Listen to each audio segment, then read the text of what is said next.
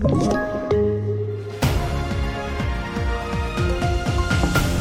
Ryska styrkor har tagit kontroll över kärnkraftverk. Svensk-danska ambulanser på väg till Ukraina och sex års fängelse efter att ha använt sin son som barnsoldat. Ja, här är TV4-nyheten och vi börjar med att ryska styrkor har tagit kontroll över Ukrainas största kärnkraftverk som besköts och började brinna i natt enligt ukrainska myndigheter. Branden släcktes under morgonen och ingen förhöjd strålning har uppmätts. Det är oklart vad som nu kommer att hända med kärnkraftverket som tidigare stod för en fjärdedel av Ukrainas totala elproduktion. Vår reporter Stefan Borg är på plats i Lviv. Men man har ju vidtagit eh, säkerhetsåtgärder i form av att man har stängt ner alla re reaktorer så de är inte aktiva längre. Eh, den byggnad som träffades det var ju en byggnad för träning och utbildning och ett laboratorium så det var ju inte direkt kopplat till själva driften av kärnkraftverket.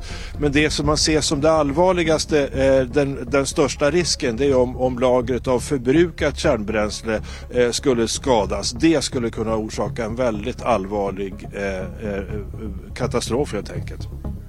Och det är många som vill hjälpa Ukraina i kampen mot Ryssland. I morse rullade en konvoj med ambulanser som inte längre är i bruk från danska Sorö ner till kriget för att stödja sjukvården i landet. Men det finns flera svenska ambulanssjukvårdare som tagit ledigt för att köra ner ambulanserna till den ukrainska gränsen. Morgan Lundin är en frivillig ambulanssjukskötare. Vi kommer att bidra med, med jättemycket sjukvård och jag, jag vet ju att, att eh, det materialet vi har med oss kommer att rädda liv, så är det. Hur viktigt känns det här? Enormt viktigt. Eh, lika viktigt som vi, vi bidrar med detta till, till människor i Ukraina så, så tror jag att, att övriga världen hade gjort detsamma om, om Sverige hade varit i samma situation. Och vi lämnar Ukraina för den här sändningen och avslutar med att en 49-årig kvinna fälls för grov krigsförbrytelse och grovt folkrättsbrott och döms till sex års fängelse av Stockholms tingsrätt efter att hon rekryterat sin son som barnsoldat hos terrorsekten IS som dog i konflikten i Syrien bara 16 år gammal.